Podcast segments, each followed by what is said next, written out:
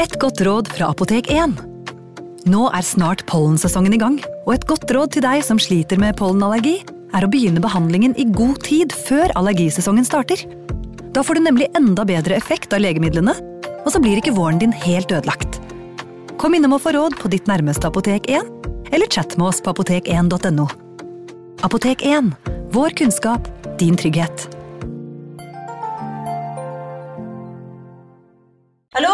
Jeg kommer fra Oslo politikammer. Ine Jansen er purk. Er du purk? The motherfucking bitch. Alt jeg vil, er å finne ut hva som skjedde med mannen min. Jon Carew. Er jeg sikta for noe? Iben Akeli. Det er du. Ole So, Lars Berrum og Big Daddy Karsten. Hvem sin side er du på, egentlig? Anette Hoff, Tone Danielsen, Kommer du fra Afrika?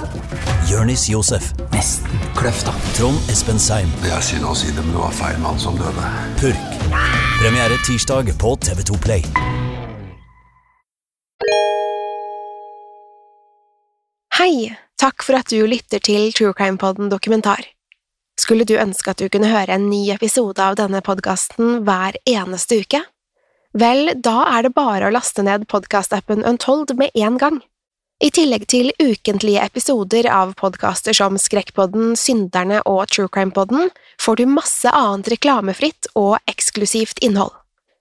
Last ned Untold i AppStore eller Google Play, og start din 30 dagers prøveperiode i dag. you.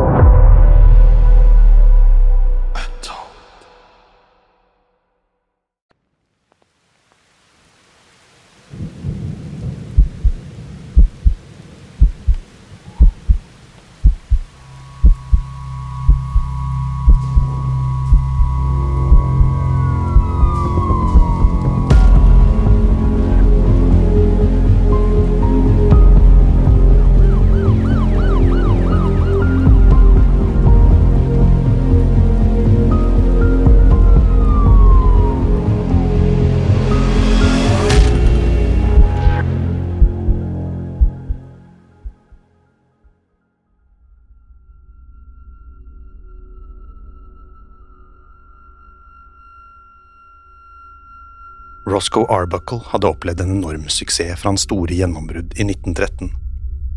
Han hadde oppnådd en kjendisstatus ulikt noe verden hadde sett.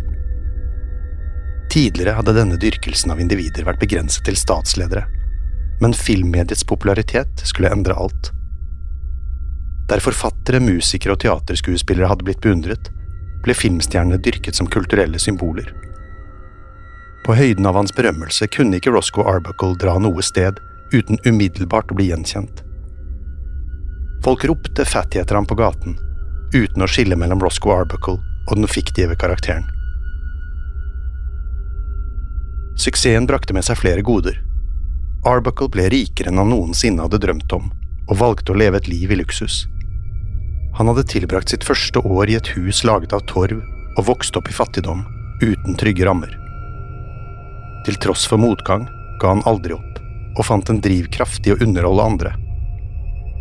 Han hadde jobbet hardt, men han hadde også vært på rett sted til rett tid. Et tiår tidligere hadde det ikke eksistert en filmindustri, og Roscoe ville aldri ha blitt en stjerne. Arbuckle ble dermed et symbol på den amerikanske drømmen. Han var beviset på at hardt arbeid og en god porsjon flaks kunne lede til noe stort. Det var likevel en bakside ved denne suksessen. Befolkningens interesse for de nye filmstjernene endret også journalistikken.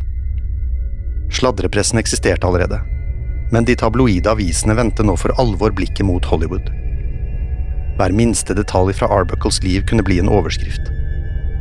Det ble skrevet flere artikler om hans kosthold og diett, som fremstilte han som en fråtsende hedonist. Roscoe var fremdeles en sensitiv mann, som aldri ble komfortabel med fokuset på vekten og utseendet. Han hadde godtatt at Fatty-navnet ble trykket på filmplakatene, men han hatet likevel at dette skulle definere ham. Linjene mellom Fatty og Roscoe var likevel i ferd med å viskes ut. Arbuckle tjente godt, men kastet samtidig bort enorme pengesummer. Han kjøpte mer enn han trengte, og elsket å overraske Minta med storslåtte gaver. Samtidig fikk han rykte på seg som en festløve som drakk og festet bort tusenvis av dollar. Etter å ha blitt behandlet for en infeksjon i kneet, hadde han også blitt avhengig av morfin. I et konservativt USA var det mange kritiske røster som mislikte oppførselen til Hollywoods unge stjerner. Minta Durfee hadde flere små roller i Arbuckles filmer. Han hadde vært stormende forelsket i henne fra første møte, men forholdet hadde begynt å bli anstrengt. Kombinasjonen av å bo og jobbe sammen ledet til stadig nye konflikter. Minta følte samtidig at suksessen hadde endret Roscoe. Der han tidligere hadde vært en usikker og forsiktig mann, krevde han nå at alt ble tilrettelagt hans behov. Han hadde ubegrenset med penger, og følte at dette kunne løse enhver situasjon. Samtidig som Roscoes karriere virkelig tok av, var forholdet til Minta i ferd med å gå mot slutten. Skandaløse overskrifter var ikke noe nytt for Arbuckle. Historier om bordellbesøk og ville orgier hadde blitt skrevet om selv før drapsanklagene sjokkerte verden. Han nøt godene som fulgte med berømmelsen, og kanskje særlig oppmerksomheten fra det motsatte kjønn. Minta hadde vært hans første kjærlighet, og de hadde giftet seg noen få uker etter første stevnemøte. Arbuckle klarte rett og slett ikke å motstå de mange fristelsene som presenterte seg for han. Mens ekteskapet holdt på å rakne, fant han trøst i alkohol og vakre kvinner. Roscoe og Minta gikk fra hverandre, men han våget ikke å skille seg, i frykt for hva mediene ville skrive. Selv om han hadde drevet henne vekk, skulle Minta stå ved hans side gjennom alle skandalene. Minta var selvfølgelig til stede i rettssalen da Roscoe sto anklaget for overgrep og drap.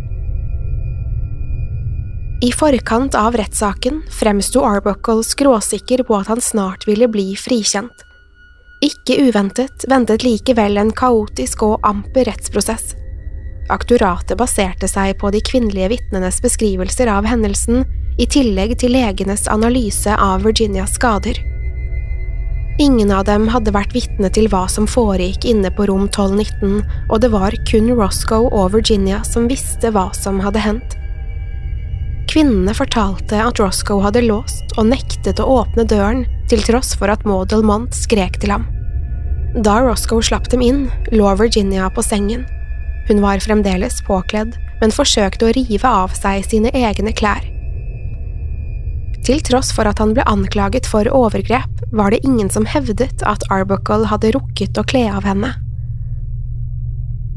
Virginia skal ha vært i en manisk tilstand og ropt jeg kommer til å dø. Etter å ha blitt lagt i et isbad skal Virginia ha sagt han skadet meg. Selv om detaljene var de samme, skilte dette seg fra tidligere forklaringer. Maud hadde nemlig hevdet at Virginia hadde sagt han skadet meg og jeg kommer til å dø i samme åndedrag. På denne måten hadde hun indikert at begge kommentarene var rettet mot Roscoe Arbuckle. Med dette hendelsesforløpet ble det derimot uklart hvem Virginia mente hadde skadet henne. Det var nemlig Maud og Zay Provost som hadde kledd av henne og lagt henne i isbadet. Deretter hadde Fred Fishback hjulpet til med å bære Virginia til sengen. Han skadet meg, kan derfor like godt ha blitt rettet mot Fishback som Arbuckle. Historien om isbiten ble også presentert i en annen kontekst. Arbuckle skal ha blitt irritert av Virginias konstante skriking, og flere hevdet at han truet med å kaste henne ut av vinduet dersom hun ikke roet seg. Det ble også sagt at han la isbiter på magen hennes i et forsøk på å lindre smertene. Roscoes advokater hevdet at dette var utgangspunktet for misforståelsen, som av Alfred Semnacker hadde blitt presentert som et seksuelt overgrep. Virginia Rappay ble også fremstilt i et annet lys. Flere kunne fortelle at Virginia hadde vært høylytt hele ettermiddagen, og at hun åpenbart var kraftig beruset. Semnacker kunne i tillegg fortelle at det ikke var første gang Virginia hadde forsøkt å rive av seg klærne. Antagelig var dette noe som hadde hendt minst to eller tre ganger, alltid i beruset tilstand. Etter å ha gjort en grundig bakgrunnssjekk hadde forsvarsadvokatene avdekket nye detaljer fra Maud Delmonts fortid. De presenterte henne som en svindler, som tidligere hadde forsøkt å presse andre for penger. Roscoes advokater hevdet at hun hadde planlagt å anklage han for overgrep, men at alt endret seg da Virginia døde. Aktoratet valgte derfor å ikke la Maud Delmont vitne i rettssaken. De fryktet at hennes troverdighet ville bli utfordret, og at dette ville svekke deres sak mot Arbuckle. Obduksjonene fikk mye plass i rettssaken, og det samme fikk Virginias dødsårsak. Det var enighet om at Virginias blære hadde svulmet opp og sprukket. Samtidig ble det presentert mange teorier om hva som hadde forårsaket dette. Flere vitner hevdet at Virginia hadde slitt med magesmerter i lengre tid, mens andre hevdet at hun ikke hadde noen underliggende helseplager. Det var kun to personer som visste hva som hadde hendt på rom 1219, og den ene, Virginia, var død. Derfor var det mange som forventet at Roscoe Arbuckle kom til å entre vitneboksen. Enn så lenge hadde han nektet å fortelle sin versjon, men advokaten hans overbeviste han til slutt om å vitne i retten. Arbuckle fortalte dermed sin versjon av hendelsesforløpet. Da jeg kom inn på rom 1219, låste jeg døren og gikk rett til badet, der jeg fant frøken Rappay på gulvet. Hun lå foran toalettet, mens hun holdt seg til magen og vred seg i smerte. Hun hadde kastet opp. Da jeg åpnet døren, traff jeg henne i hodet. Jeg var nødt til å gå sidelengs for å komme meg inn på badet. Så jeg lukket eh, døren bak meg og plukket henne opp. Mens jeg holdt henne, kastet hun opp igjen. Da hun omsider var ferdig, satte jeg henne på toalettet. Hun slet med å puste og gispet etter luft. Jeg spurte om det var noe jeg kunne gjøre for å hjelpe henne, men eh, hun ba meg bare legge henne på sengen. Roscoe hevdet at han hadde gitt Virginia to glass vann. Han forlot rommet i et øyeblikk, og i mellomtiden hadde Virginia falt ned fra sengen. Jeg hadde bare vært borte to–tre minutter, men da jeg kom tilbake, fant jeg frøken Rappay på gulvet, mellom de to sengene. Hun rullet rundt på gulvet og holdt seg til magen, mens hun skrek og jamra seg. Jeg forsøkte å løfte henne opp, men jeg fikk ikke tak i henne. Arbuckle hevdet at han til slutt fikk lagt henne tilbake i sengen, og at han deretter gikk ut av rommet for å finne Maud Delmont. Fra dette tidspunktet var det flere vitner som entret rom 1219. Arbuckle bekreftet at Virginia hadde ligget på sengen, mens hun forsøkte å rive av seg klærne.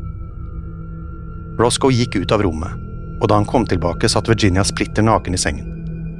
Maud forsøkte å lindre smerten hennes med et håndkle fylt med is. Da det ikke så ut til å hjelpe, skal hun ha forsøkt å gni en isbit direkte mot huden. Roscoe forsøkte å dekke til Virginia, men Maud insisterte på at han måtte forlate rommet. Han ble provosert av måten hun snakket til ham på, og truet derfor med å kaste henne ut av vinduet. Maud hadde tidligere hevdet at denne trusselen var rettet mot Virginia. Etter å ha kledd på henne en badekåpe, ble Virginia transportert til rom 1227.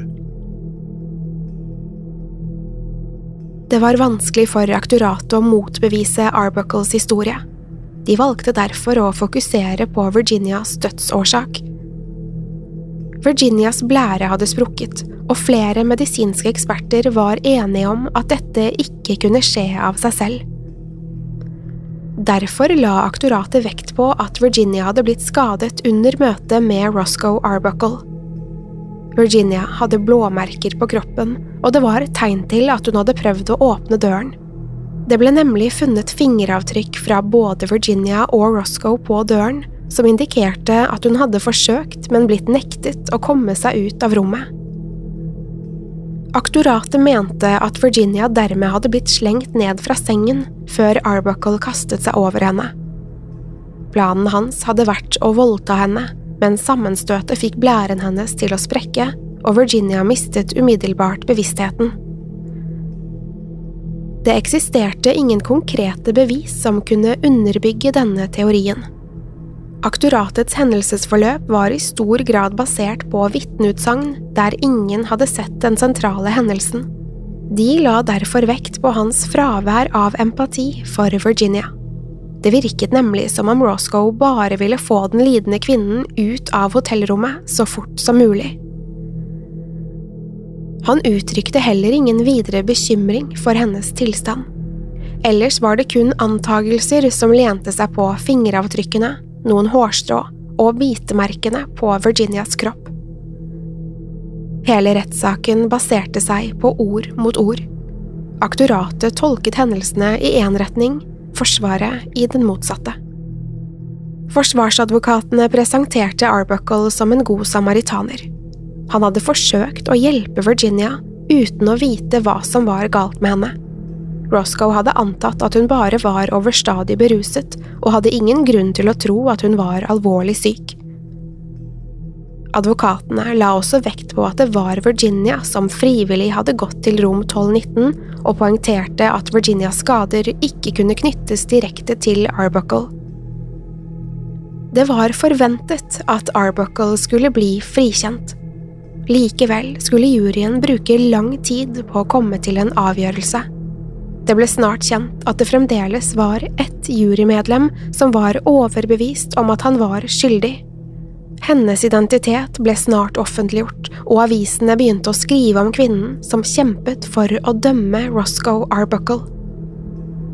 Etter nesten to døgn hadde fremdeles ikke juryen kommet til enighet. Det var nå to medlemmer som mente han var skyldig, mens resten stemte for frifinnelse. Mange av dem mente at han antageligvis var uskyldig, men enda viktigere følte de at det ikke var tilstrekkelig med bevis. Juryen klarte ikke å komme til enighet, og rettssaken ble til slutt vurdert som ugyldig. Roscoe Arbuckle hadde følt seg trygg på at han skulle bli frifunnet, men nå måtte han forberede seg på nok en krevende rettssak.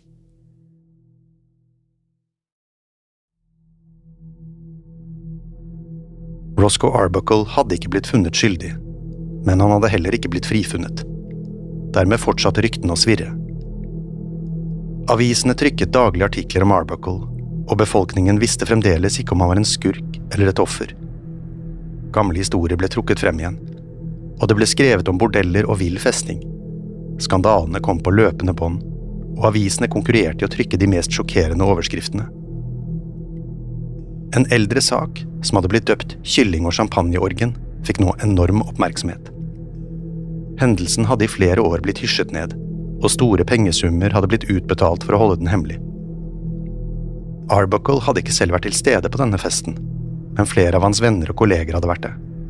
Saken ble uansett knyttet til Roscoe og kastet nytt lys over festen som kredde Virginia Rappays liv.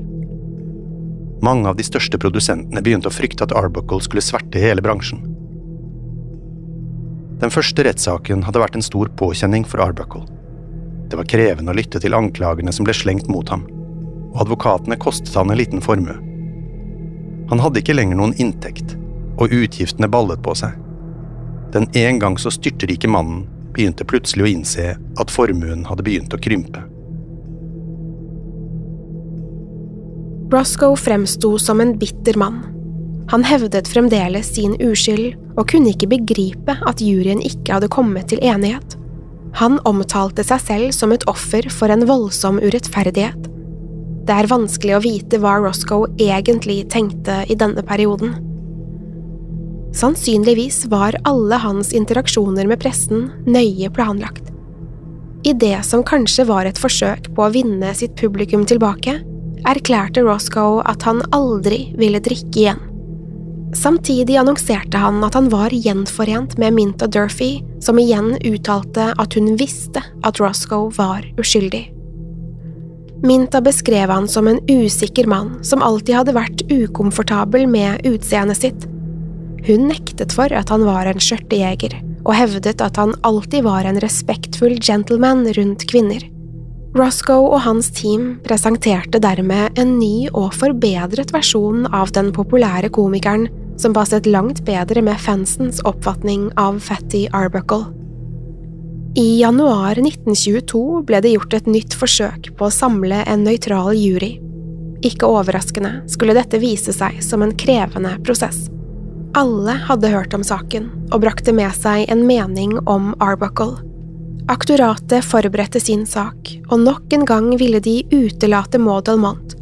Zay Provost og Alice Blake var deres sentrale vitner, men ingen av dem skulle overbevise i vitneboksen.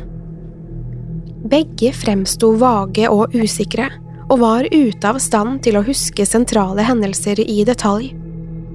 Prevost antydet at han hadde blitt truet med fengsel av aktoratet dersom han ikke vitnet mot Arbuckle. Alle detaljene ble nok en gang diskutert, fingeravtrykkene på døren, Roscoes relasjon til Virginia, og ikke minst Virginia Rappays helse. Det ble presentert nye historier om Virginia som beskrev hvordan hun reagerte på alkohol. Flere vitner beskrev hvordan hun fikk spasmeanfall, skrek ut i smerte eller forsøkte å rive av seg klærne. Det var utallige vitner som delte påfallende beleilige detaljer på vegne av både Forsvaret og aktoratet. Pressen fulgte naturligvis saken tett, og det begynte igjen å forme seg en konsensus om at Roscoe Arbuckle ville bli frikjent. Aktoratets vitner hadde fremstått lite troverdige, og bevismaterialet var fremdeles tynt. For publikummet som hadde håpet på nye, eksplosive detaljer, hadde rettssaken vært en stor skuffelse. Arbuckle fikk fremdeles mye oppmerksomhet, men var ikke lenger selvskreven på avisforsidene. Da rettssaken gikk mot slutten, var også Forsvaret overbevist om at Arbuckle ville bli frikjent. Der aktoratet kom med flere anklager i sin sluttprosedyre, valgte Roscoes advokater å la dette gå ubesvart. De følte seg sikre på at det ikke var noen fellende bevis, og at de hadde lykkes i å bevise hans uskyld. Det var en risikabel strategi som vakte stor oppsikt. De fleste hadde forventet at juryen ville komme til en rask beslutning. Likevel gikk det flere timer, uten at de var i stand til å komme til enighet. Mens juryen fortsatte å diskutere, skulle en ny skandale ryste Hollywood. Drapet på regissør William Desmond Taylor var ikke direkte knyttet til Arbuckle men ble likevel omtalt i samme åndedrag. Taylor hadde vært en innflytelsesrik mann, som i likhet med Arbuckle hadde laget filmer for Paramount. Han ble funnet livløs i sitt eget hjem med en kule i ryggen. Dette åpnet for mye spekulasjon og utallige konspirasjonsteorier. Blant de mistenkte var Arbuckles gamle kollega, Mabel Norman, så vel som andre Hollywood-stjerner. Selv om Norman etter hvert var utenfor mistanke, hadde denne skandalen kostet henne karrieren. Historier om alkohol- og kokainmisbruk hadde allerede svertet ryktet hennes, og forsterket samtidig ideen om Hollywoods moralske forfall. Mange begynte å frykte at Hollywood skulle påvirke nasjonens unge lovende, og med dette fulgte opprop om strengere regulering og sensur. Samtidig som denne skandalen utfoldet seg, ventet Arbuckle på å motta sin dom. Timene gikk og det som hadde virket som en enkel avgjørelse, var åpenbart ikke svart-hvitt. Etter to døgn var de fremdeles ikke i stand til å komme til enighet. Avisen hadde tidligere rapportert at det var elleve personer som hadde stemt for å frikjenne Arbuckle, men dette viste seg å være feil. Nå kom det fram at flertallet mente at Roscoe var skyldig i uaktsomt drap. Kun to jurymedlemmer hadde stemt for å frikjenne ham. Det ble åpenbart at Forsvaret hadde gjort en stor tabbe da de ikke presenterte en sluttprosedyre. Flere av jurymedlemmene antok at dette ble gjort i frykt for bevisene aktoratet satt på. Istedenfor å overbevise juryen med sine argumenter, hadde de prøvd å hindre aktoratet i å presentere de mest fellende bevisene. Arbuckles vitneuttalelser ble også angrepet, uten at Forsvaret var i stand til å styrke hans troverdighet. Mange hadde forventet at saken ville bli henlagt dersom en kjennelse ikke ble nådd, men de ti jurymedlemmene hadde overbevist påtalemyndighetene om å prøve igjen. Dette innebar at Roscoe Arbuckle måtte forberede seg på nok en rettssak. Denne gangen var forsvarsadvokatene innstilt på å gjøre hva enn som måtte til. De planla å angripe Virginia Rappay og overbevise juryen om at hun hadde underliggende helseplager. Nok en gang var det en kaotisk inngang til rettssaken. Zay Provost hadde forsvunnet, og dermed måtte aktoratet lene seg på Alice Blake. Hun ga en lite overbevisende gjenfortelling av hendelsene, og innrømmet samtidig at hun var usikker på flere detaljer. Rettssaken utspilte seg i stor grad som den forrige, helt til aktoratet presenterte et nytt vitne. Virginia Bragg jobbet på Wakefield Sanitarium og hadde angivelig vært i kontakt med Rappay den dagen hun døde. Mens hun lå døende, antydet Virginia Rappay at Roscoe Arbuckle burde betale regningene for oppholdet, ettersom det var han som hadde sendt henne dit. Bragg gjenfortalte deretter Virginias historie om hva som hadde hendt på rom 1219. Hun hevdet at Roscoe kastet Virginia ned på sengen, før han la seg oppå henne. Denne teorien hadde blitt presentert tidligere, men Bragg hevdet å ha hørt dette direkte fra Virginia Rappey. Tidligere hadde dette kun vært en antagelse basert på skadene Virginia hadde blitt påført. Bragg hevdet at Virginia selv var overbevist om at dette var årsaken til skadene som var i ferd med å koste henne livet. Forsvarsadvokatene forsøkte naturligvis å ødelegge Braggs troverdighet. De fortsatte å angripe Virginia Rappay og lette desperat i fortiden hennes. Snart presenterte de to vitner som antydet at Virginia flere ganger hadde blitt gravid utenfor ekteskapet, født et barn og gjennomført opptil tre aborter. Dette var åpenbart et forsøk på å sverte hennes rykte, men antydet samtidig at dette kunne ha medført varige skader og helseplager. Kombinert med historiene om Virginias lave toleranse for alkohol, fremmet dette ideen om at Virginia døde av naturlige årsaker. Det var likevel påfallende at hun ikke hadde blitt plaget av magesmertene før hun entret rom 1219.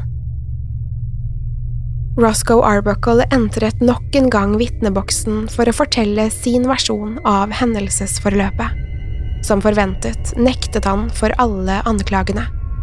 Han innrømmet å ha kjent Virginia i en årrekke, men hevdet at de ikke hadde utvekslet noen ord på soverommet.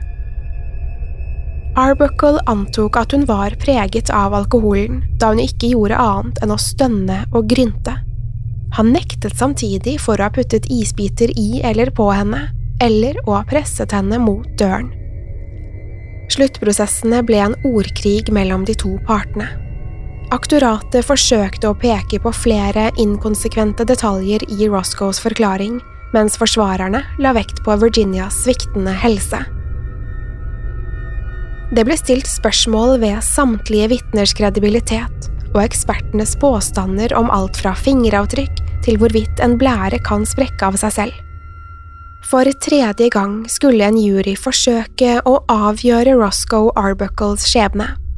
Denne gangen var det ingen som turte å komme med konkrete spådommer. Juryen trakk seg tilbake, og de fleste forventet lange diskusjoner. Til alles overraskelse nådde de en slutning i løpet av fem minutter.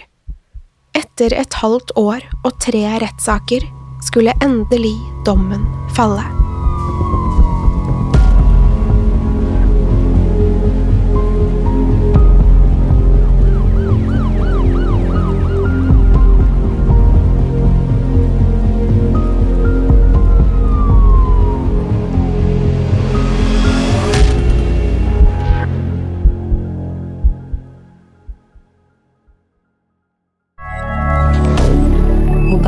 Media.